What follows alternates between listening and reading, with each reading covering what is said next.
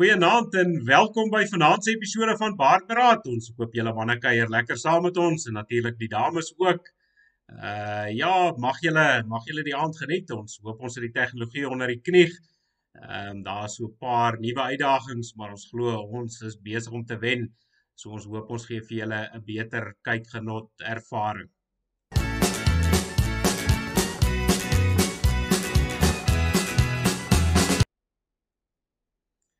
En dan vanaand kan ek weer daarom met Tiaan daar ver in die kolonie gesels. Tiaan, baie welkom.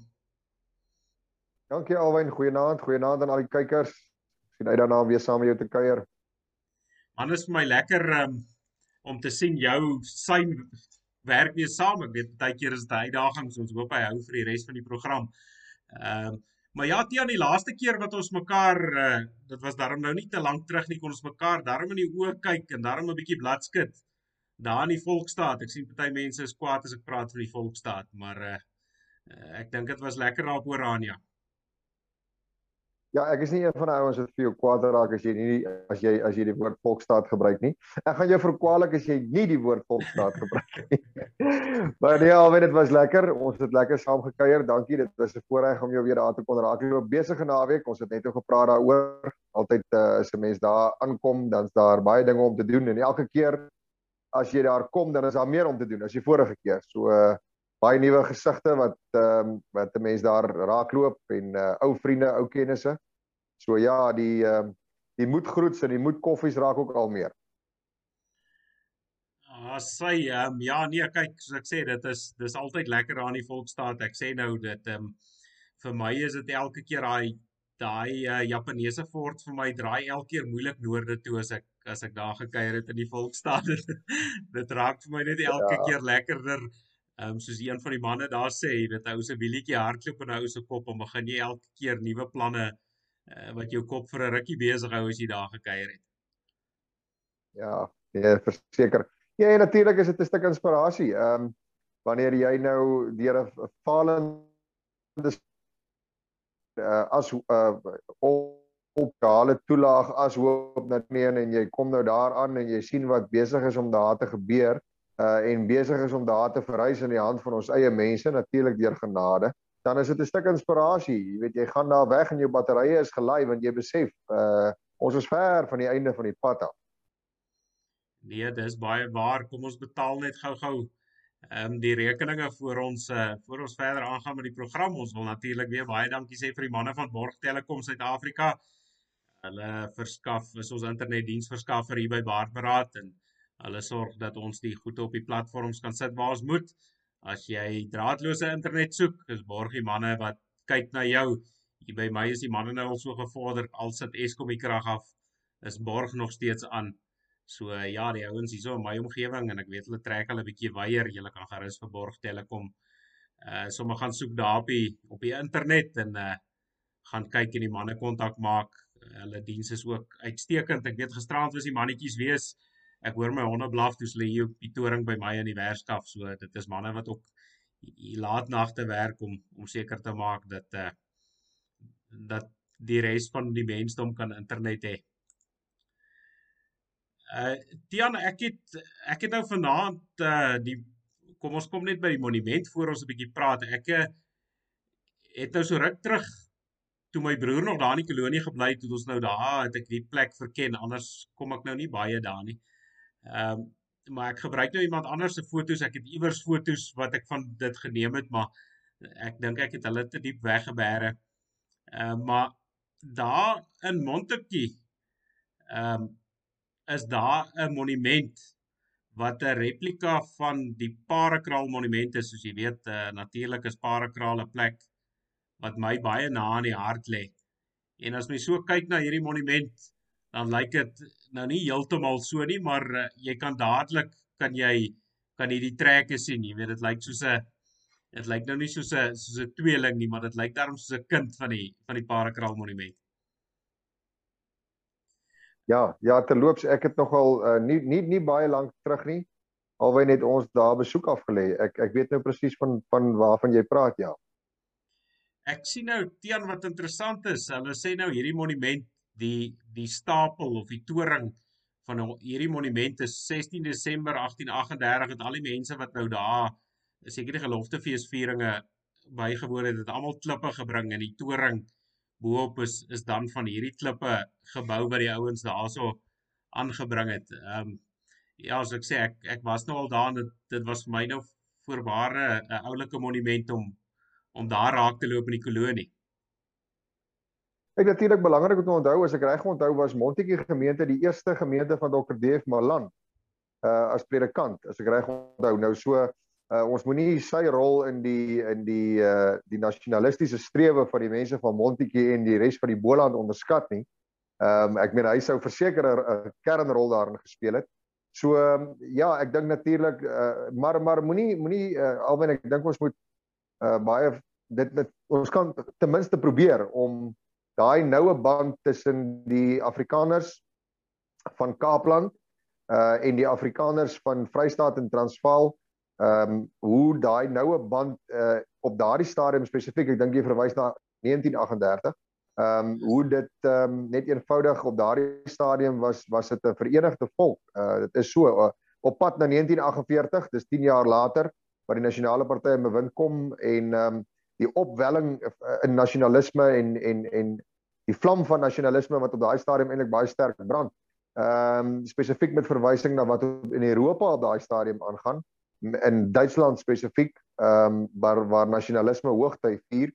So ja, nee, ek dink in Suid-Afrika op daai stadium of jy nou 'n monument in Montetjie opgerig het en of jy nou hom nou in Winburg of in Bloedrivier self opgerig het, uh Afrikaners het geweet wie en wat hulle is op daai stadium en hulle spesifiek geweet waar hulle gaan. Ja, ek dink een ding wat my nou nogal opgeval het toe ek daar in die kolonie was, een van die groot strate hier in Kreersdorp is is 'n uh, Voortrekkerstraat en hy loop dan daar na Rodepoort se kant toe word hy ontdekker. So dis een van die groot strate, maar een van die dinge wat my opgeval het toe ek nou daar deur die kolonie se dorpies gereis het en al die goede daar gekyk het, um, is dat daar's omtrent nie 'n dorp in die kolonie waar ek gery het waar wat nie 'n Voortrekkerstraat het nie. Ehm um, nou ja. as ek reg verstaan is is die meeste van daai strate is dan nou ook tydens die of in 1938 tydens die die Eufees herdenking van die groot trek is baie van daai strate hernoem na na Voortrekkerstraat. Ek ken nou nie die kolonies goed soos jy nie. Is is my feite daarom reg? Ja, nee, jy is heeltemal reg. Nee, hier is hier is wel om jou eerlik te wees, ek dra nie enige kennis van een dorpie wat nie 'n voortrekker weg het nie. Uh so en dan ek sal nooit vergeet nie toe ons destyds is nou al 'n hele klompie jare terug uh, tydens nog 'n uh, VVK vergadering hier in Beaufort Wes toe uh, ook 'n oud verkenner in die Geldenhuis opgemerk het is vir hom baie aangenaam om Beaufort Wes binne te ry en uh, regs te draai in Dani Tronstraat en dan weer in Voortrekker weg en so ja ek um, nee ek dink ons is uh, ek het nou die dag in Oudtshoorn ook gery Oudtshoorn spesifiek um, die natuurlik die die tuisdorp van Langehoven. Daar ry jy ook uh, Langehoven weg, kruis Voortrekker weg en van Riebeek weg, kruis Voortrekker weg en en interessant genoeg bitter min van die dorpe eh, of die se strate het nog ehm um, jy weet hierdie sogenaamde straat naamsveranderingsprosesse deurloop, bitter min van hulle. Daar's eintlik 'n geweldige klein teenaanspraak op die op die uh, straatname en en en monumente uh in die kolonie wat wat wat 'n mens tog vreemd vind in 'n sekere Ja, nogal interessant. Ek uh, het nou vandag 'n nuwe ding raak gelees um daar van die kolonie en ek sal uh seker daarby uitkom een of ander tyd hier by die monumente, maar ek sien uh, Beaufort Wes wat nou die naaste groot dorp aan jou was. Ek sien dit was ook 'n de Klerk se plek uh, gewees. Um ek weet nie of jy of jy kennis dra daarvan nie. Ja, ja, dit was uh daar in Beaufort Wes as jy van Johannesburg van uh van die noorde se kant af inkom op die linkerkant is daar 'n restaurant met die naam van Four Sheep. En hy het um op die plek maatjies op die tafel het hy baie netjies 'n geskiedkundige uiteensetting van die dorp en die streek en die eienaars van die plek en en en so die luisteraars kan gerus daarvan 'n uh, bietjie kennis dra en dan as hulle hier deurkom kan hulle dit 'n bietjie gaan oplees. Maar jy, jy ek dink ek dink daai feit van jou is reg hoor. Hy was hy was definitief 'n klerksel geweest. Ja, ek moet nou sê as hy het nog daai tyd het hulle mos snaaks gespel. Hy was nog 'n klerk, jy weet, maar daai daai fancy lotte. Ons het eers later hierso het ons um, seker toe ons maar plotters te klerk geword het, het ons die ding op 'n ordentlike manier begin begin skryf, jy weet 'n maklike manier. Uh, maar ja, de, ja, ons is ons is almal familie. Ehm um, die die die skryf van die van dit maar net so 'n bietjie verander. Ja. Hoor ja. nie ek nee ek moet dit nou kwalifiseer as ek nou sê ons is almal familie dan klink dit nou baie sleg. Ek het van die begin af vir die mense gesê ek sê van daai van daai bleskop ou familie nie so. Kom ons hou eerder by daai feit. Laat ek myself nou nie in die moeilikheid praat met die volk nie.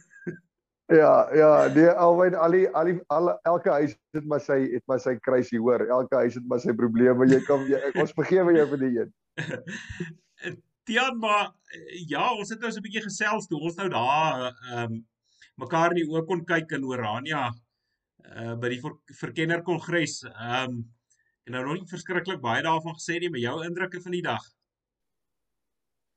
Ja, alwen dit is altyd lekker om die manne weer te sien. Uh die verkenner beweging, 'n natuurlike beweging wat ehm um, wat my persoonlik aan betref hopeloos te min erkenning kry vir die goeie werk wat hulle op die volksakker doen uh nie van gister af nie vir baie jare. Uh in baie gevalle die onaangename taakies wat hulle moet verrig, die agter die skerms werk wat hulle noodwendig voor die kamera staan en in in baie krediet kry vir dit wat hulle doen nie. Maar dit was baie lekker. Ek dink daar was 'n paar belangrike spreekingspunte. En uh en dan natuurlik sit ons maar met die reuse uitdaging om uh om ons volksgenote in beweging te kry en betrokke te kry. Ehm uh, maar dit was aangenaam. Dit was soos ek sê, dis veral lekker om om weer 'n bietjie met eenersdenkendes te kan gesels, bietjie uh mens put tog 'n stuk motivering en 'n stuk inspirasie uit dit. So en nou as jy dit kan doen op 'n plek soos Urania natuurlik soveel te meer. Ja, ek moet nou sê wat my opgeval het as mens nou ehm um, voor die tyd deur die manne se posverslae werk, ehm um, en mens kyk na wat die verskillende poste van die verkenners gedoen het, soos jy sê, dis nou nie ouens wat altyd te koop loop met wat hulle doen nie. Ehm um, die ouens doen maar baie keer die werk agter die skerms. Kom mense agter dat vir 'n klein groepie manne is hulle eintlik besig om om reusewerk op die volksakker te te doen. Ehm um, jy weet die ouens is besig in verskillende dorpe het elke uh, van die poste hulle eie unieke manier van dit van ding doen, maar almal almal beweeg in dieselfde rigting en almal trek hier waar in dieselfde rigting. En dit was vir my lekker om om te sien dat dat al die manne ten spyte van die geel griep waar die manne toegesluit was, was hierdie manne bedrywig. Hulle het nie op hulle hande gesit nie. Ja.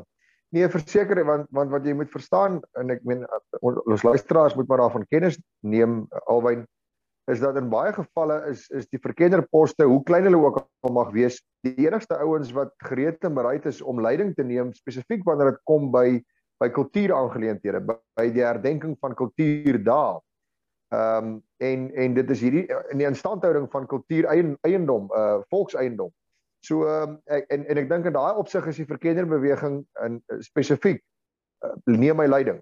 Uh, in ander opsigte moet hy miskien 'n meer ondersteunende rol speel, ander opsigte kan hy dalk 'n soort van 'n raadgewende of 'n toesighoudende rol speel, maar wanneer dit kom by kultuurgoedere, dink ek is die verkennerbeweging by uitstek een van die van die leidende rolspelers wat uh, wat besig is om 'n klomp kultuureiendom, volkseiendom in stand te hou uh en selfs uit te bou.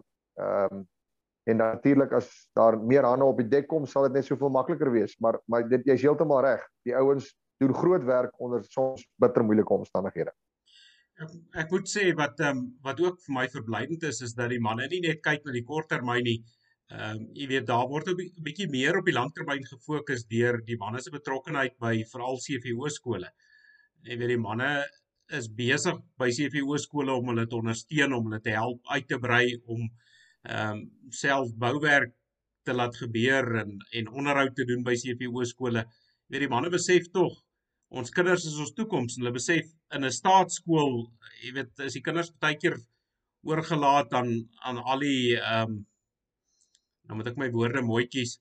Ehm um, jy weet al die strooi wat wat in die silabus aan die kinders opgedring word en waar die ouens nie noodwendig die kinders nie noodwendig 'n volkssaak het of of 'n geleer word van 'n volkssaak nie. So die ouens besef ook die belangrikheid van van Christelike volkseie skole. Ehm um, dis natuurlik om ons geloof in stand te hou en ook om hierdie kinders te vertel waar hulle vandaan kom en wie hulle is en dat hulle nie hoef skaam te wees vir enigiets wat hulle voorouers gedoen het nie. Ja. Ja, nee, die CVO beweging, ehm um, alwen die die die rol wat die CVO beweging in die krisisuur van hierdie volk van ons gespeel het die afgelope 25 30 jaar en verseker ook in die toekoms gaan uh is ons ons is onmiskenbaar. Ek bedoel dit is 'n reuse reuse rol en ek dink toenemend meer mense begin besef dit. Ek sien ek sien nie in die week uh, in die nuus dat ehm um, die helpende hand uh van die solidariteit beweging ook nou 'n studiefonds spesifiek vir CVO leerders daar gestel het wat ehm um, spesifiek gaan fokus op die ondersteuning van CVO leerders se se se tersiêre opleiding. So ek dink toenemend meer instellings maar ook individue spesifiek ook ouers begin besef die noodsaak, die kritieke belangrike rol van die CVO beweging uh in die skep van 'n standvastige, stabiele en goed toegeruste volgende geslag wat die stokkie by ons moet oorvat. Ja, dis hom lekker. Toe ons daar nou radio was, toe ek nou met 'n klomp manne daar, jong manne ontmoet wat ek nog nie voorheen een ontmoet het nie en en daar's heelwat van die manne wat oud CVO leerders was en ehm um, jy weet dit is manne van staal. Dis dis dis eisters. Jy weet jy jy wonder nie waar jy met die man staan nie. Hulle is hulle is opregte boerseuns en dit is dis sommer lekker om om die jong manne te sien wat wat lus is en wat kan sien vir die uitdagings van die toekoms. Ja. Ja nee, die manne as hulle bloedblou is, is hulle is hulle reg, dan kan jy met hulle werk. Dit is so. Albei ek dink tog is belangrik om ook te noem. Uh sonder natuurlik om afbreek te doen aan aan aan die BCVO self en die skole wat binne die BCVO beweging geposisioneer is. Is daar ook 'n verskeidenheid van ander. Ek myself is nou direk betrokke byvoorbeeld by Volksskool Urania wat nou nie noodwendige direkte betrokkeheid het by die CVO beweging nie, maar wat in 'n veelheid van opsigte op 'n beginselbasis maar besig is met Christelike volksrye onderrig. En so mag daar nog voorbeelde van van soortgelyke instellings wees. Ehm um, ek weet spesifiek ook in die afstandsonderrig ehm um, het ons 'n uh, instelling wat ek wat ek ook op het stadium betrokke by was Nucleus wat wat ook 'n sterk uh, Christelike volksinslag het. So ehm um, daar mag enkele verskille wees links of regs, die kant toe of daai kant toe, maar ek dink in die breë is daar selfs meer as een ehm um, onderrig instelling, onderrig stroom wat uiteindelik kinders toerus met 'n Christelike volkseie basis. En, en en dit is wonderlik om ook te sien hoe hierdie goed groei. Al groei hulle dan nou op die rug van 'n van 'n falende staats uh skoolstruktuur uh is ons nog steeds dankbaar dat die ouens wat die fondamente van hierdie instellings moes lê dit gedoen het ook onder bitter moeilike omstandighede. Maar vandag is dit daar en ons kinders kan kan deel wees daarvan en dit is 'n voorreg. Ja, Tiaan, ek dink jy jy raak 'n baie belangrike punt aan. Ehm um, so jy sê mense het verskillende opsies.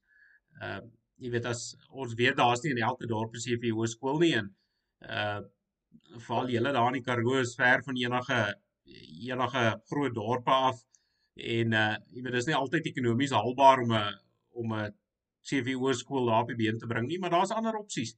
Uh jy weet ek dink ons moet ons moet net aan die mense begin uitdra dat ons heil van ons kinders lê nie in die staatskole nie. Jy kry kinders wat um, uit 'n staatskool uitkom en hy so geïndoktrineer in 'n sekere rigting as hy nie die waarheid by die huis gehoor het nie dat dat ehm um, hierdie kind maar deel van 'n van 'n lensiesop wil wees en en skaam is vir wie hy is en ehm um, jy weet as jy as jy baie keer met jong mense praat dan wil hulle nou vir ons vertel hoe jammer ons nou moet wees oor wat in die verlede gebeur het. Ehm uh, en dit is tog dis tog die teenvoeter vir vir al hierdie propaganda. Ons moet ons moet tog besef dat staatskole en staatselabusse is daar om eh, om die propaganda van die regering van die dag uit te dra. En dis presies wat gebeur en daar's daar's teenvoeters en uh jy weet ons kan ons kinders beskerm. Ons kinders is tog ons belangrikste bate en ek is seker meeste van die mense sal sê jy weet jou jou kind is vir jou die belangrikste uh, ek wil nou nie sê besitting nie, maar as die belangrikste ehm uh, deel van jou lewe, maar uh jy weet tog is tog is baie mense uh net genooi daarmee om om maar die kind by die staatskool af te laai en en maar te hoop vir die beste. Ja. Nee, jy is heeltemal reg Alwyn. En dit is ook dit wat jy ook sê uh in terme van die beskikbaarheid van van onderrig uh, alternatief tot tot die staats uh opset is is is ook baie waar. Ehm um, ek daar is natuurlik bitter baie van ons ouers wat Hy is besig om in stroop te swem elke dag van sy lewe. Ehm um, hy het 'n uh, ewige stryd om sy kop bo water gehou te kry. So vir hom om um, om maar net die kortste maklikste roete te gaan wanneer dit by sy kind kom en om maar net soggens te gaan aflaai en te weet luister hy gaan daarom leer om somme te doen uh oor die ideologie sal ons maar later worry. Ek dink dit is uh in baie gevalle maar waar vir van ons mense. Maar ek dink die oproep moet wees as dit vir jou enigstens moontlik is om binne jou konteks ehm um, 'n uh, uh, uh, onderrigs instelling te kan skep of een te kan ondersteun wat 'n uh, wat 'n wat 'n volkseie aanslag het, probeer dit asseblief doen. Ehm um, dit is krities belangrik. En dan net 'n slotopmerking, dit is ook geen waarborg dat ehm um, dat dit noodwendige gunstige uitkomste kan en gaan hê nie. Uh ek weet byvoorbeeld baie van ons politieke leiers in 1994 het almal was almal op skool in die jare 60 en 70 en is baie duidelik dat die nasionale party se se program van begin was nie goed afgesmeer het op hulle in terme van volksbelang nie. So daar is geen waarborg dat die kind 'n suksesverhaal gaan wees nie. Ek en jy was in staatskole gewees. Ek kyk hoe lyk ons. So ek dink uh, die die propaganda het het ook maar uh, jy weet daar's ook maar 'n beperking in terme van sy sy sukses. Maar ehm um, kom ons loop hier die risiko om uh, om ons kinders iets te voer wat ons ehm um, kan verhoed dat dit dat dit gebeur nie. Ja, ek ek wil daarom nou net daarso sê voor ek weer pak slaag kry. Ek het 'n goeie vriend wat ehm um, altyd as ek hierdie hierdie saakie aanraak, dan beklei hy baie met my. Ehm uh, want sy kinders is in staatskole, maar nou moet ek ook sê dis 'n man wat baie moeite doen met sy kinders.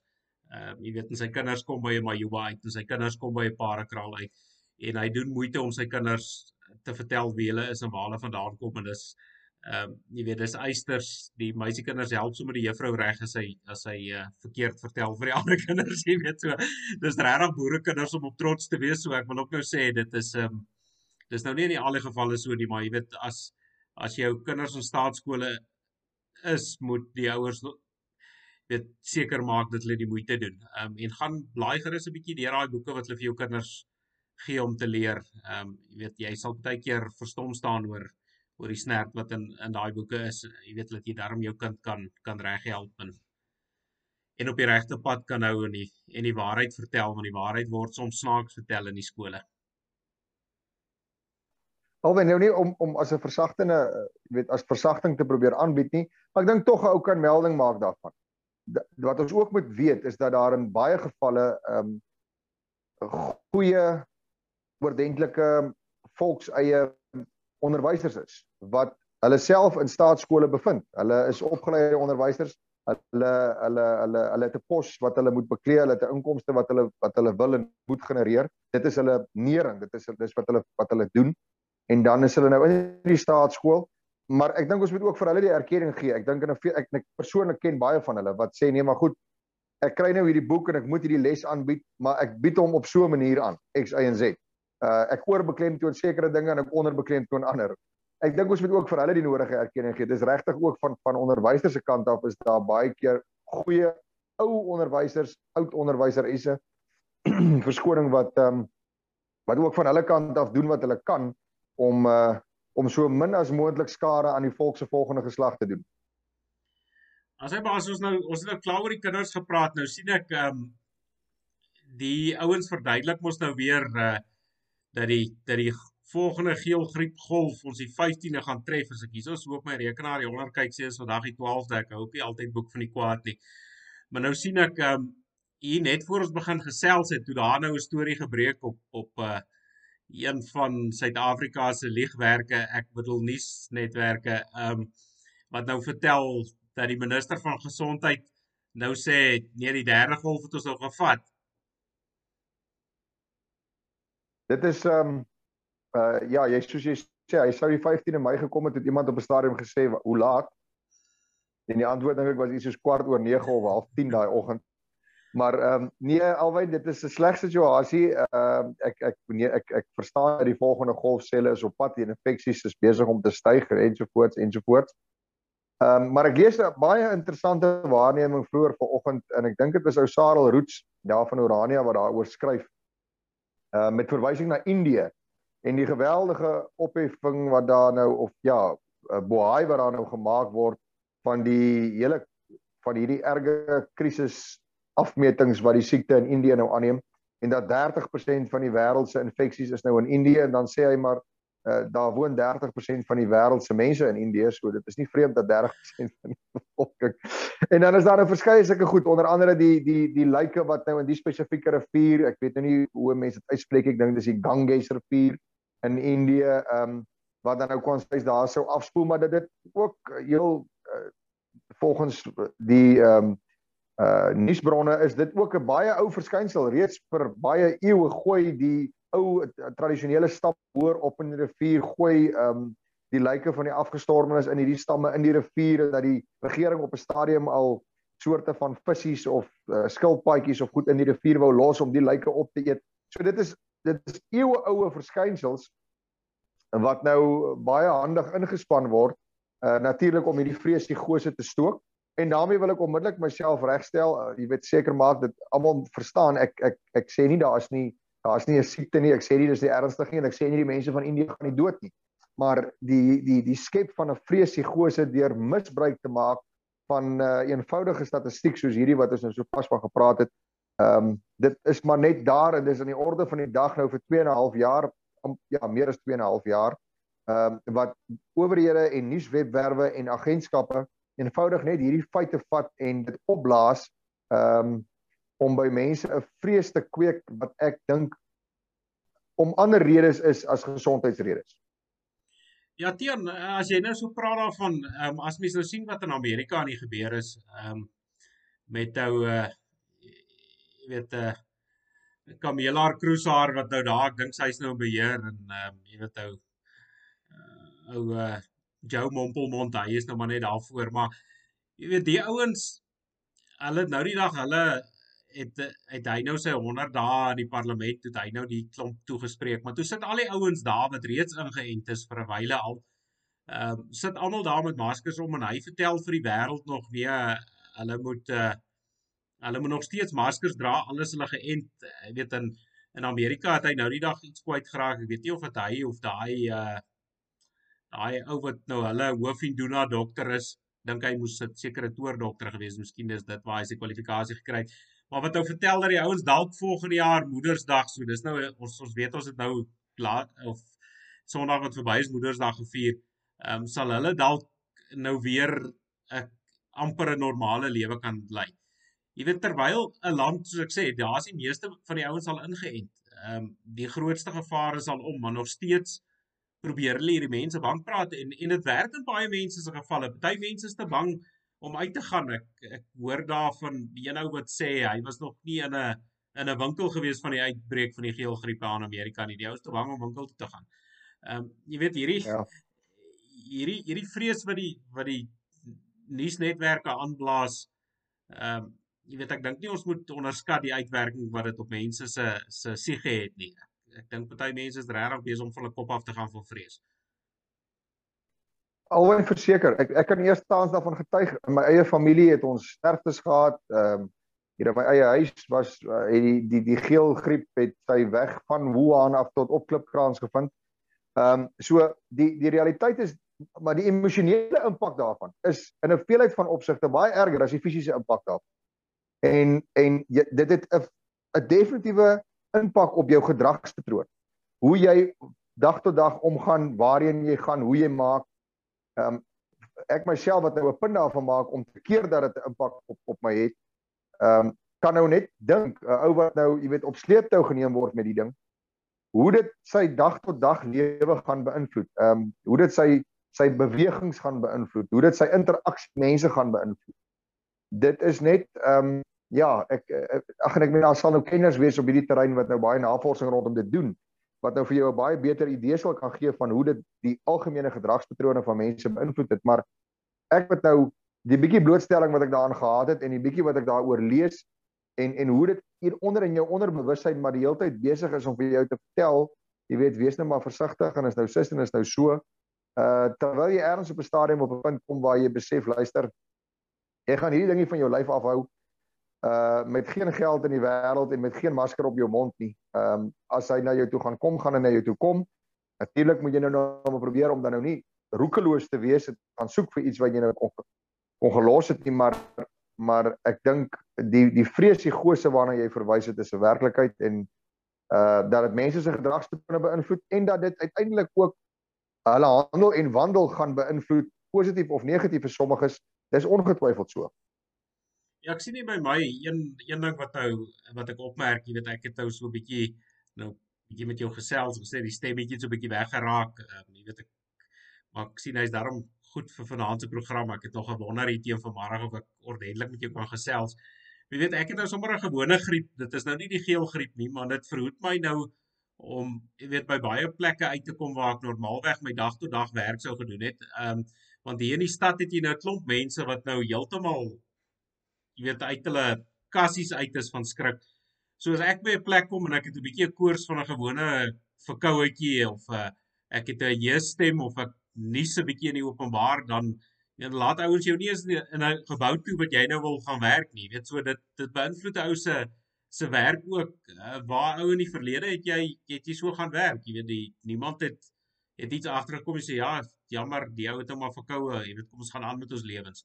Uh maar jy weet by ja. elke plek hier by ons pluk hulle daai pryskandeerder uit en kyk wat jou prys en dan besluit hulle of jy kan ingaan. Die helfte van die ouens maak nie saak wat jou prys nie. Hy laat jou maar in 'n geval ingaan. Ehm um, jy weet en dan dip hulle vir jou van kop tot toe en dit is 'n aardigheid man as jy in die stad moet rondry. Ehm um, en so by kliënte dan word jy as jy as jy 5 tot 10 keer 'n dag gedip word dan jy weet dan is dit nou dan was dit nou 'n stil dag. Uh, jy weet die die mense totaal van hulle trollies af. Ja. Nee, hoe julle ons in die stede dit hou, weet ek nie. Ek het ek het eendag hier op George in 'n mall gestap en um, ek moes iets vir my kinders kry en toe ek hier by die 6de, 7de winkel instap en ek het 'n snyer op my hand en hulle storm my weer met 'n bottel alkohol en hy elke slag dan loop die alkohol nou hier die sny in.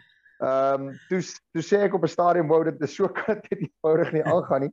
So ek staan nou maar hier buite by die deur en ek vra nou maar hier van buite af sommer vir die winkeliers daar binne is dit daar wat ek soek want ehm um, nee, dit is 'n traumatiese ervaring. Ek meen vir ons het van 'n plaas af kom uh, uh, onthou ons gaan maar eintlik met ons lewens aan soos normaal in 'n veelheid van opsigte en dan kom jy nou hier in 'n stadsomgewing en dan lyk dit so. Ehm um, nee, dit is nogal 'n traumatiese ervaring.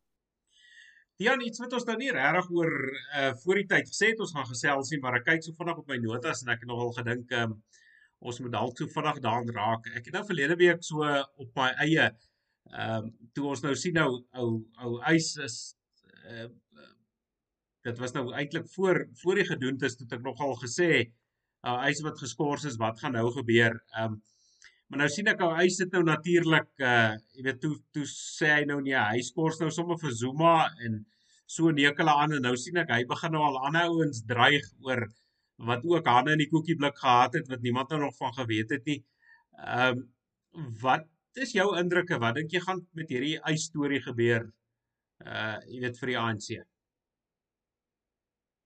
Opin kyk ek dink wat belangrik vir die ANC is op 'n stadium ehm um, en die ANC kon dit nog altyd regkry om eers langs die pad uh hierdie gevegte 'n bietjie op ys te sit letterlik en figuurlik op ys te sit en te sê luister kom ons kom ons druk net gou 'n bietjie die pos knoppie kom ons fokus nou gou die volgende verkiesing is op hande as ons hierdie verkiesing verloor, verloor ons almal. So kom ons probeer fokus nou gou vir die volgende maand of 3 net eers op die verkiesing. Ons kry die meerderheid stemme. Ons sorg dat ons almal se sitplekke in die kussings kussings van die parlement weer verseker is en dan vat ons die gevegte verder.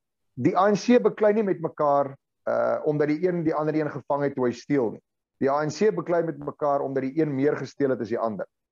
En uh korrupsie is nie is nie die ding wat die ANC gaan skeer nie. Korrupsie uh is die ding wat die ANC aan mekaar hou. So ek ek is baie seker daarvan dat die ergste wat met Ys kan gebeur, dit dit sal ook seremonieel wees dat hulle hom vra om een kant toe te staan. Hy gaan een kant toe staan. Hy gaan op volle salaris wees. Hy gaan niks verloor in die proses nie. En hy gaan ergens op 'n stadium maar net 'n sagte landing in 'n ander portefeulje kry. Dit is dit is 'n uitgemaakte saak wat my aan betref.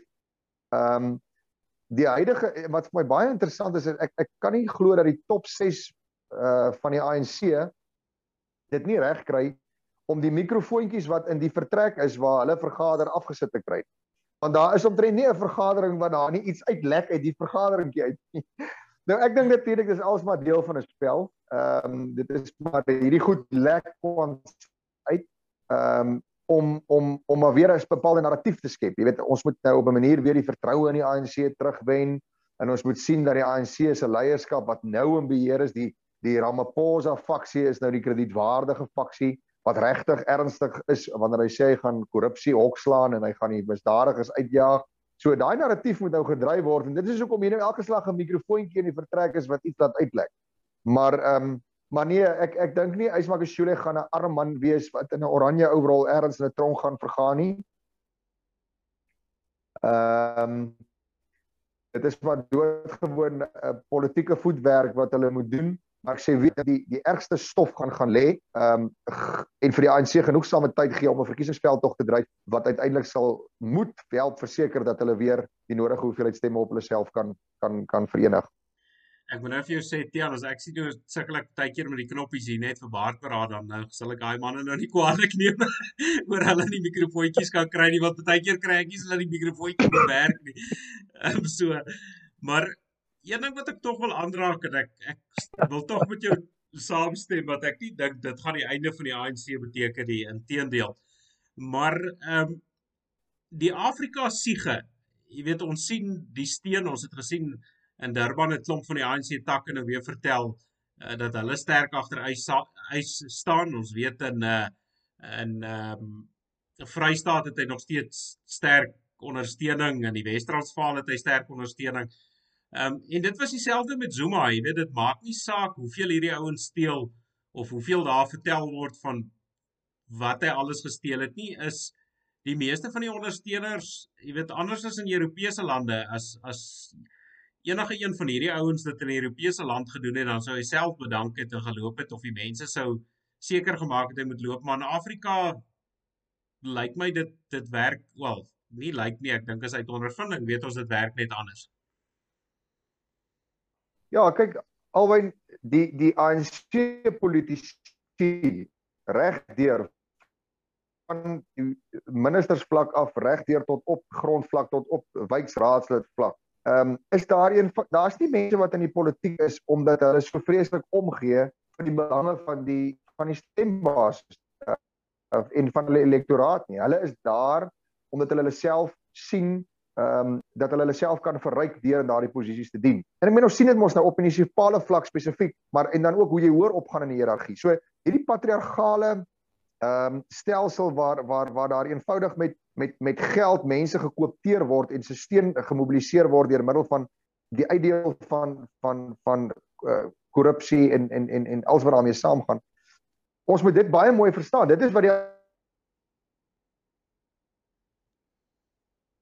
ANC mekaar hou. Dit is wat die ANC se leierskap moet die gemiddelde ANC ondersteuner motiveer om te staan vir 'n wijkraadslid en uiteindelik dan nou vir die provinsiale raad en uiteindelik dan nou vir 'n vir 'n ministerspos. Jy raak nie betrokke by die ANC om enige ander rede as om jouself daardeur te verryk nie. Dit is die kort en die lank. Die ANC is in hy hy's hy's hy's 'n deurtrekte hy's 'n hy's 'n hy's hy's vrot van binne. Hy's 'n inherente vrot, morele vrot organisasie. Daar's geen morele regverdiging vir jou betrokkeheid by die ANC nie. Die enigste rede hoekom jy daarbey betrokke kan en wil raak is omdat jy finansiëel daarbey kan baat vind. So dit is hoekom die ouens daar is. Dit is hoekom Ys daar is. Dit is hoekom Zuma daar was. Dit is hoekom Ramaphosa daar was. Ek en jy weet altyd Ramaphosa is vandag 'n miljardêr, verseker nie omdat hy laatnagte gewerk het. Ehm um, Ramaphosa is 'n miljardêr omdat hy gehelp het om wetgewing te skryf wat maatskappye gedwing het om 'n sekere persentasies van hulle aandelehouding oor te dra aan swart besit en hy was die ou wat die goed in ontvangs geneem het. So hy het homself deur middel van die skryf van wette het hy van homself 'n miljardêr binne twee dekades gemaak sonder om 'n graaf van die grond te steek of om 'n wortel of 'n beet uit te trek. Um en en dit is dit is wat die ANC se leierskap doen en dit geld nie net vir die paar gesigte wat ons op die TV sien nie. Dit geld vir ieder en elk tot op die laagste grondvlak. Um van wijkraadslid, van party caucus leiers reg deur tot bo by die president deur die bank. Hy's daar omdat hy homself wil verryk al. Punt. As hy ja Tian um, ja ons gaan net kwadraks verder oor hierdie ouens praat so ek gaan ek gaan dit maar daar afsluit. Nou nou nou, nou sien ek daar's 'n storie. Ek is 'n goeie ding. ek sien daar's 'n storie wat in Amerika nou gebreek het, maar ek dink ons kan tog die lyne hier na Suid-Afrika toe trek. Ehm um, nou ou Joe Mompelmond wil nou natuurlik jy weet hy nou wil nou vir almal by so goeie president hy is en die ouens het gepraat oor hulle werkloosheidssyfer en die hoeveelheid poste wat geskep is. Maar nou weet ons met die geelgriep het, het wat so baie van Amerika letterlik heeltemal toegemaak is, party van daai state is nou nog nie eens oop nie. Ehm um, is dit nou nie regtig wonderlik uh jy weet om te sê daar's nou soveel poste geskep nie want jy weet soos die ouens oopmaak moet hierdie poste uh maar weer gevul word. So dit is maar net poste wat voorheen as gevolg van van hierdie sluiting van die van die land uh, tot niet gegaan het uh wat nou weer oop gaan maar Ehm um, ek sien hulle verduidelik nou in die laaste maand het daar 266000 nuwe poste opgegaan en nou Joe sê nou natuurlik dis dis nou die wonderlikste ding sedert gesnyde brood. Maar die vooruitskattinge van die ekonome in Amerika was dat daar 'n miljoen poste gevul moet word. Nou sien ek die ouens verduidelik dat hierdie Amerika betaal nou sekere toelaas aan die ouens, hierdie geelgriep toelaag. Ehm um, En nou is die feit dat die meeste van hierdie poste wat nou natuurlik moes gevul geword het, is nou laag besoldigde poste. Dis ehm um, jou tipiese uh kelners en kokke en jy weet die ou wat met 'n pikke graaf werk. Maar nou baie van hierdie ouens sê nou nee wat, hoekom moet hy nou gaan werk vir sy geld as die regering geld uitdeel? En ons weet die regering daar by hulle wil nou weer 'n klomp geld uitdeel. So 'n klomp van hierdie ouens besluit nou maar net Nee, dis lekkerder om by die huis te sit en die regering gee vir hom geld as wat hy moet werk en sy geld eerlik verdien. Ja, dit is 'n uh, tipiese welsynstaat situasie. Ehm um, en dit werk baie goed uh, om ander mense se geld uit te deel totdat die ander mense se geld opgeraak. En ek bedoel alwen in Suid-Afrika kan ons dit mos nou baie duidelik sien ons ek hier in in, in as jy nou deur hierdie plattelandse dorpies ry en ek glo daar by julle in die, die groter stede sien jy dit ook maar hier by my nou spesifiek hier voor die poskantoor waar die geelgriep geld nou uitgedeel word. Dit is 'n toestand. Dit is 'n toestand vriend. Ek bedoel jy jy kan nie glo dat 'n land op so 'n manier kan bestaan nie, want hy kan nie op so 'n manier bestaan nie. Ek meen daar sit letterlik elke dag toue en toue en toue mense langs daai voor daai poskantoor se se deure. En en en wat moet hy doen? Hy hy hy is nou hy het nou die 350 rand 'n maand en dit is nou sy inkomste. Uh en dit gaan sy inkomste bly tot op die punt waar daar nou nie meer 350 rand is om hom uit om hom uit te deel. Want die regering se vermoë om geld uit te deel is verseker groter as sy vermoë om werk te skep. Um nou goed, dit is nie eers primêr sy werk sy, sy plig om werk te skep nie. Hy moet omstandighede, hy moet 'n omgewing skep waar die private sektor die werk kan skep. Ons het nou gesien wat gebeur die afgelope klompe jare doen presies die teenoorgestelde. So die beste waarvoor hy kan hoop is hy moet aanhou met geld uitdeel. Maar ek en jy weet dit is nie volhoubaar met 'n ekonomie wat krimp en 'n belastingbasis wat krimp en en en uh, is, die geldkoffers raak net leer en leer en leer. Die poskantoor self is bankrot. Ek sien nou vanoggend sê hy ou, hy weet nou nie hoe moet hy maak nie. Hy nou ehm um, hy het altyd geld gespaar by die poskantoor en hy sien die poskantoor is nou bankrot en dan het hy nou pakkies wat nou uh, swaarder is as 'n kilogram en nou waar wie gaan hulle nou stuur want die poskantoor is toe. So hy het baie probleme met die poskantoor, maar om terug te kom by die by die idee van jy kan 'n welsynstaat vir ewig in stand hou. Ehm um, al in die geskiedenis het hom oor en oor bewys in die verband. Ehm um, dit stuur maar net af op 'n grootskaalse hongersnood, grootskaalse uh uh onstabiliteit, politieke onstabiliteit, sosiale onstabiliteit en hoe jy dit weer onder beheer en onder bedwang kry? Wel, ek het nie die antwoorde nie. Ja, Tiaan, soos jy sê, ek dink hierdie hierdie skuif van hulle daar in Amerika en ons weet dis is die geval hier by ons is gee vir 'n klomp mense geld en dan trek hulle hulle kruisies op die regte plekke. Hulle gaan nie hulle kruisies op 'n ander plek trek nie want hy trek die kruisie wat vir my geld uitdeel, maar jy weet soos jy reg sê, dis tog nie 'n volhoubare situasie nie. Ehm um, ons weet nou al jy weet ons ons is nou al daardeur wat hulle in Amerika nou nog moet leer. Ek sien nou met hierdie klomp geld wat hulle nou uitdeel vir ouens wat niks doen nie het ehm um, hulle ook 'n hiperinflasie uh of nou in Amerika se se sin van die woord. Uh jy weet hulle inflasiekoerse is nie naby wat ons inflasie is nie, maar hulle inflasie is op ongekende tydperke. Jy weet hulle het met hulle groot depressie in 2008 het hulle laas sulke tipe inflasie uh by of beleef en dan sien ek ook ehm um, daar's een van die groot pyplyne wat brandstof in Amerika vervoer wat deur kuberkrakers toe nou omver gewerp is en nou kom maar nie meer brandstof uit nie. Daar sit 'n klomp state in Amerika wat 'n noodtoestand afgekondig het weens 'n gebrek aan brandstof. Ehm um, en die regering daar maak omtrent soos hier by ons. Hulle trek hulle skouertjies op en sê nee, dis 'n privaat onderneming. Ehm um, hulle gaan nou nie help nie want die kuberkrakers vra nou 'n losprys. Ehm um, jy weet maar dit is nou iets wat die wat die hele land raak. Ehm um, so hierdie ouens weet daar waar hulle moet iets doen jy weet waar hulle waar hulle moet 'n verskil maak en die mense aan die gang moet hou, daar's hulle lekker afwesig, maar uh jy weet daar waar hulle nie hulle kloutjies moet indruk nie, daar daar kry hulle nie hulle neuse uitgehou nie. Ja, ja, en dit is 'n dit is 'n ondraaglike situasie en ek sê weer 'n mens kan nou maar net spekuleer oor die uit, uiteindelike uitkoms daarvan en en hoe dit gaan uitspeel. Ehm um, in Suid-Afrika se geval, jy kan nou nog miskien, jy weet, wegkom in Amerika, bietjie die kant toe, bietjie daai kant toe. Die dollar is 'n redelike sterk geldeenheid en jy kan 'n bietjie vir die ouens druk nou maar nog van die goed en hulle kan die Amerikaanse skuldlas nog 'n bietjie verhoog. Dit is astronomies alreeds, maar die Amerikaanse ekonomie is daarom heel wat in 'n ander heeltemal in 'n ander liga as die Suid-Afrikaanse een. in Suid-Afrika se geval, ek het vanoggend 'n tweet gesien van van uh, eh, Dr. Theo de Jager waar hy die klomp uh note Zimbabwe se geldeenheid die 1 dollar 1 Zim dollar noot en dan langs aan dan sit nou die 100 000 Zim dollar en dan die 1 miljoen Zim dollar en dan die 1 triljoen Zim dollar uh note en dit is die uiteinde daarvan. Daai hiperinflasie waarna jy verwys, jy kan nie 'n klomp geld in 'n in 'n ekonomie inpomp wat net deur masjiene gedruk word. Maar die mense, ja, wel, ek ek meen ek nou die dag het ek gelees dat ons minister van finansies het sy ehm um, het sy graad in ekonomie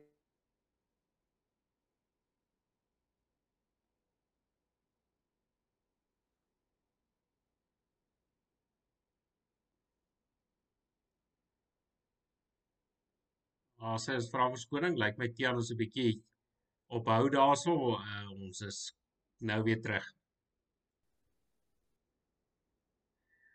As hy Tiaan, ekskuus man, ons het tegniese probleme ondervind en ek het jou 'n bietjie verloor. Jy het vertel van ons um finansminister wat waar sê ekonomiese graad gekry het. Ja, as ek dit reg verstaan, alwyn het hy by Oxford Universiteit uh het hy sy graad gekry en kon sy's baie goed gedoen. So dit dit bly vir my 'n vreemde en 'n onverstaanbare, onverklaarbare verskynsel. Ehm um, hoe hy en en vele van sy kaders rondom hom dan nou nie daardie groot basiese beginsel verstaan dat jy jy kan nie met die ekonomie van 'n land en met sy geld omgaan soos wat hulle dit doen nie. Nou goed, kom ons sê dan vir mekaar hulle verstaan dit wel, maar dat dit 'n uh, suiwer kwaadwillig is sy dat dat die dat die kommunistiese invloed ehm um, op sy op sy verstaan van die land en, en spesifiek met verwysing na sy verstaan van die toekoms is veel sterker as dit wat hy by Oxford oor ekonomie geleer het. Dis al verklaring wat ek het. Hy's hy's meer lojaal en sterker verbind aan die nasionaal-demokratiese revolusie ehm um, en aan sy sosialistiese stewe wat hy verbind is met die etiese en korrekte bestuur van sy ekonomie uh tot voordeel van die land se burgers. Dit is al afleiding wat ek kan maak. Ja, ek moet nou sê, ek het nou nie Zimbabwe beleef met sy groot note nie, um, maar ek het 'n wyle in die Kongo gewerk en hulle het in ehm um, Kongolese franke is hulle geldeenheid. En toe ek al was, was hulle hoogste noot so 500 dollar gewees en dan jy 300, 200, 100 uh 50, 30, 20 en 10 dollar ag frank note gehad. Ehm um, Nou om jou idee te gee, destyds toe was 'n 500 frank was omtrent gelykstaande aan 1 Amerikaanse dollar. So as jy na 'n plek toe gaan soos jou soos jou spar of jou winkel daar, dan vat dit jou letterlik omtrent langer om jou geld te tel as jy met franke betaal as wat dit jou vat om jou inkopies te doen. Ja, nee, dit is dis vreemd uh um alwyn. Nou ek het al baie oor die goed gedink.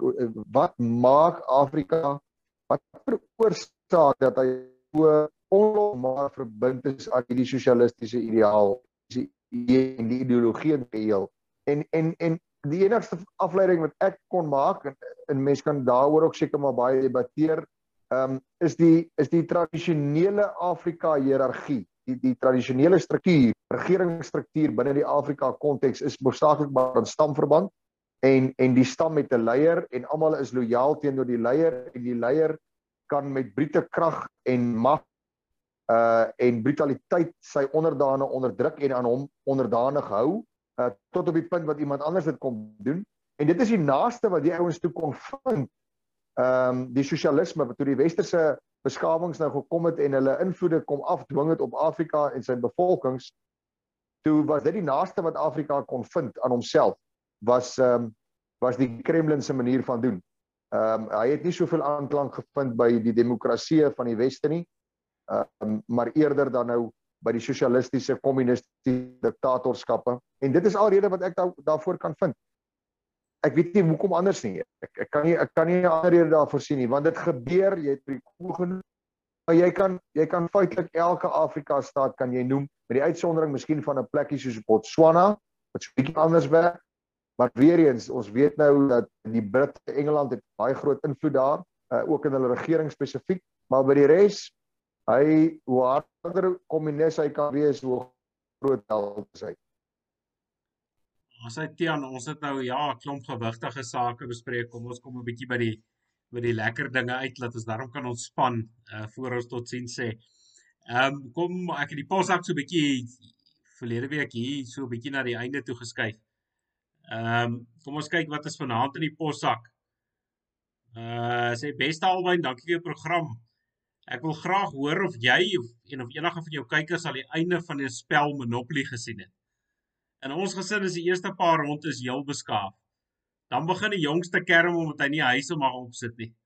Die middelkind is op een of ander rede al ewig in die tronk.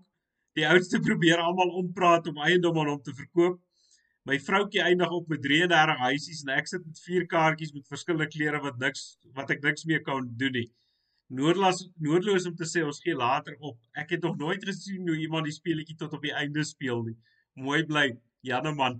Nou daar in die Karoo, ek het julle mos baie tyd speel hele Monopoly tot hy klaar is. Nee, alwyn, jy kan nie daarin speel tot hy klaar is, vriend. Jy sal jy sien jou opspeel. Laat ek dit so stel, ek dink die gemoedere loop in elk geval op 'n stadium so hoog uh tussen die wat bankrot gaan en die wat geld uitleen en die dit is ongelukkig ook mos nou maar een van die van die probleme met die harde kapitalisme. Uh as jy hom nie 'n bietjie bereguleer nie dan uh, dan ruk hy hand uit en ek dink dit is wat gebeur. Jy moet hulle loop in my huis later so hoog dat as dit maar liewer net los, ons gaan nie verder nie. nee, ek moet sê ek het hom al 'n keer of wat klaar gespeel, maar dan's dit gewoonlik, jy weet, as dan uh, dan werk dit amper amper soos Afrika, die ou wat as die bankier aangestel is jy weet verduister daar geld om seker te maak dat hy nooit bankrot speel nie en hy koop al die ander ouens se goede op. Jy weet want dis omtrent aan wat jy hoe jy by die einde kom as jy as jy Afrika Monopoly speel. Ja baie na in die werklikheid. Hoe nader jy in die werklikheid kom gaan jy definitief op einde kom maar as jy as jy as jy as jy op die regte manier speel gaan dit lank vat. Uh die volgende een, ehm um, hierdie man sê hy's anoniem met 'n rede. Hy sê albei jy het nou net aan so 'n bietjie gekoggel oor die dames. Ek het net een vraag. As 'n man in 'n woud staan en daar is geen vrou om hom te hoor nie, is hy nog steeds verkeerd. Groetes.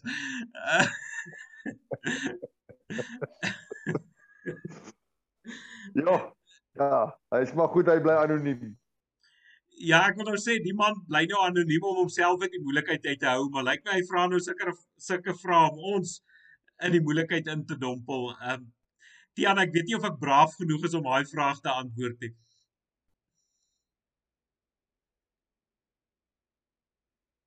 Al ek dink ek gaan my swygreg gebruik in hierdie geval. ja nee, ek ek dink is beter. Ek ek gaan ook maar ek gaan ook maar stil bly.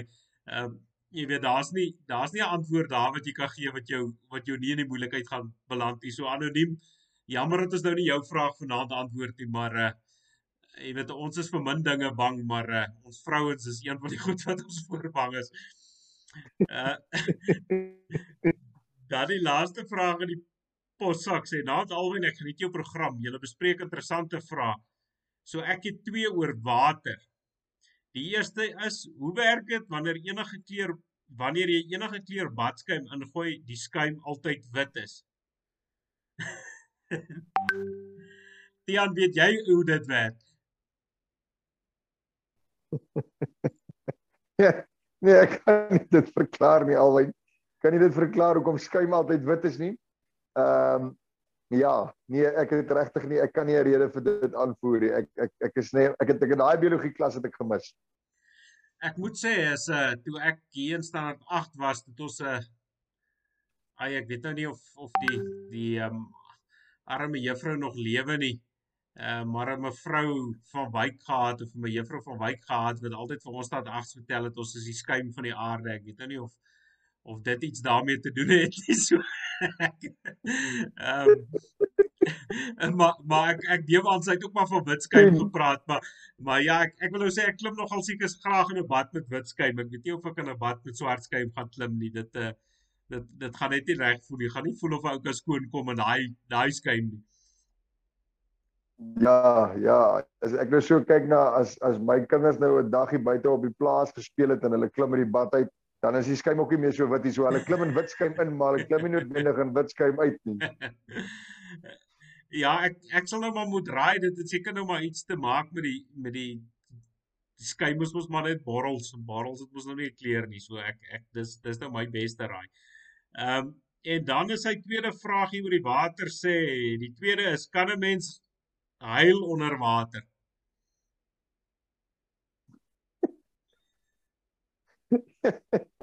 nee, nee, alweer daai man. Daai man vra daar 'n ingewikkelde vraag. Ek glo jy sal kan huil, jy sal kan huil. Maar uh, ja, ek ek weet nou nie wat met jou trane gaan gebeur nie, maar jy sal dit seker regkry. Jy moet ook nie dit te lank aanhou probeer nie, anders gaan dit ook nie werk nie.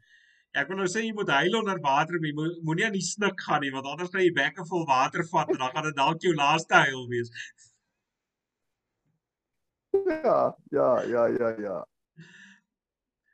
As hy teat met hierdie nuwe program wat ons vanaand op werk, ja, ons het nou vir luisteraars gesê nie ons werk op so 'n nuwe platform wat hier met die goeie werk, so alles het ons nog nie al die winde uitgevryf nie. Dis kom ek nou nog gesê het, ek sal nou nie lag vir die ANC se mikrofoontjies wat nie lekker wil werk nie. Ehm uh, maar ek ek dink ek het hom darm vir jou aangestuur. Ehm uh, maar jy gaan hom nou nie saam met ons kan kykie, maar het jy nou al gesien? Ons praat so oor lag. Het jy nou al gesien hoe lyk dit as 'n as 'n donkie vir 'n hond lag? Nee, nee, ek het dit nog nie gesien nie. As hy ons laat ons kykers hierso kyk hoe lekker kan 'n donkie vir 'n hond lag.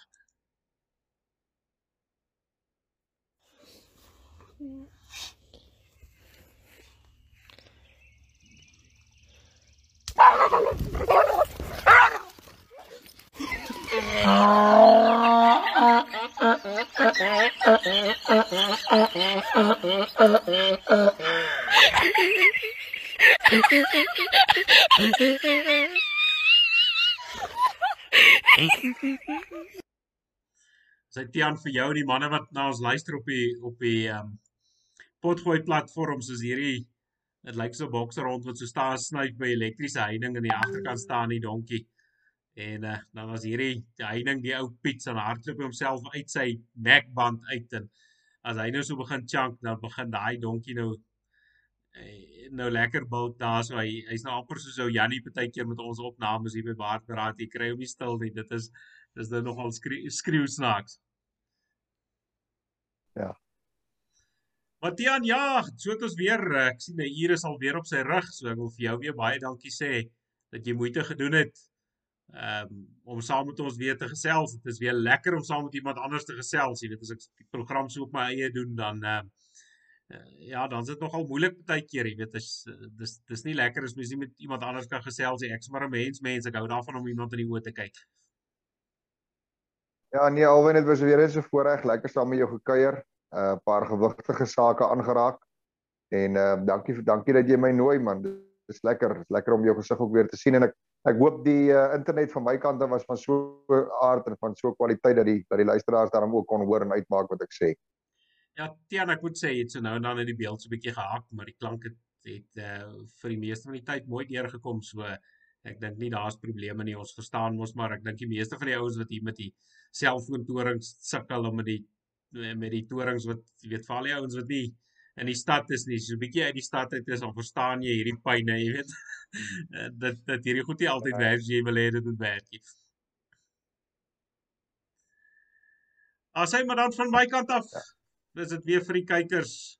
Alles van die beeste en groente op die plaas.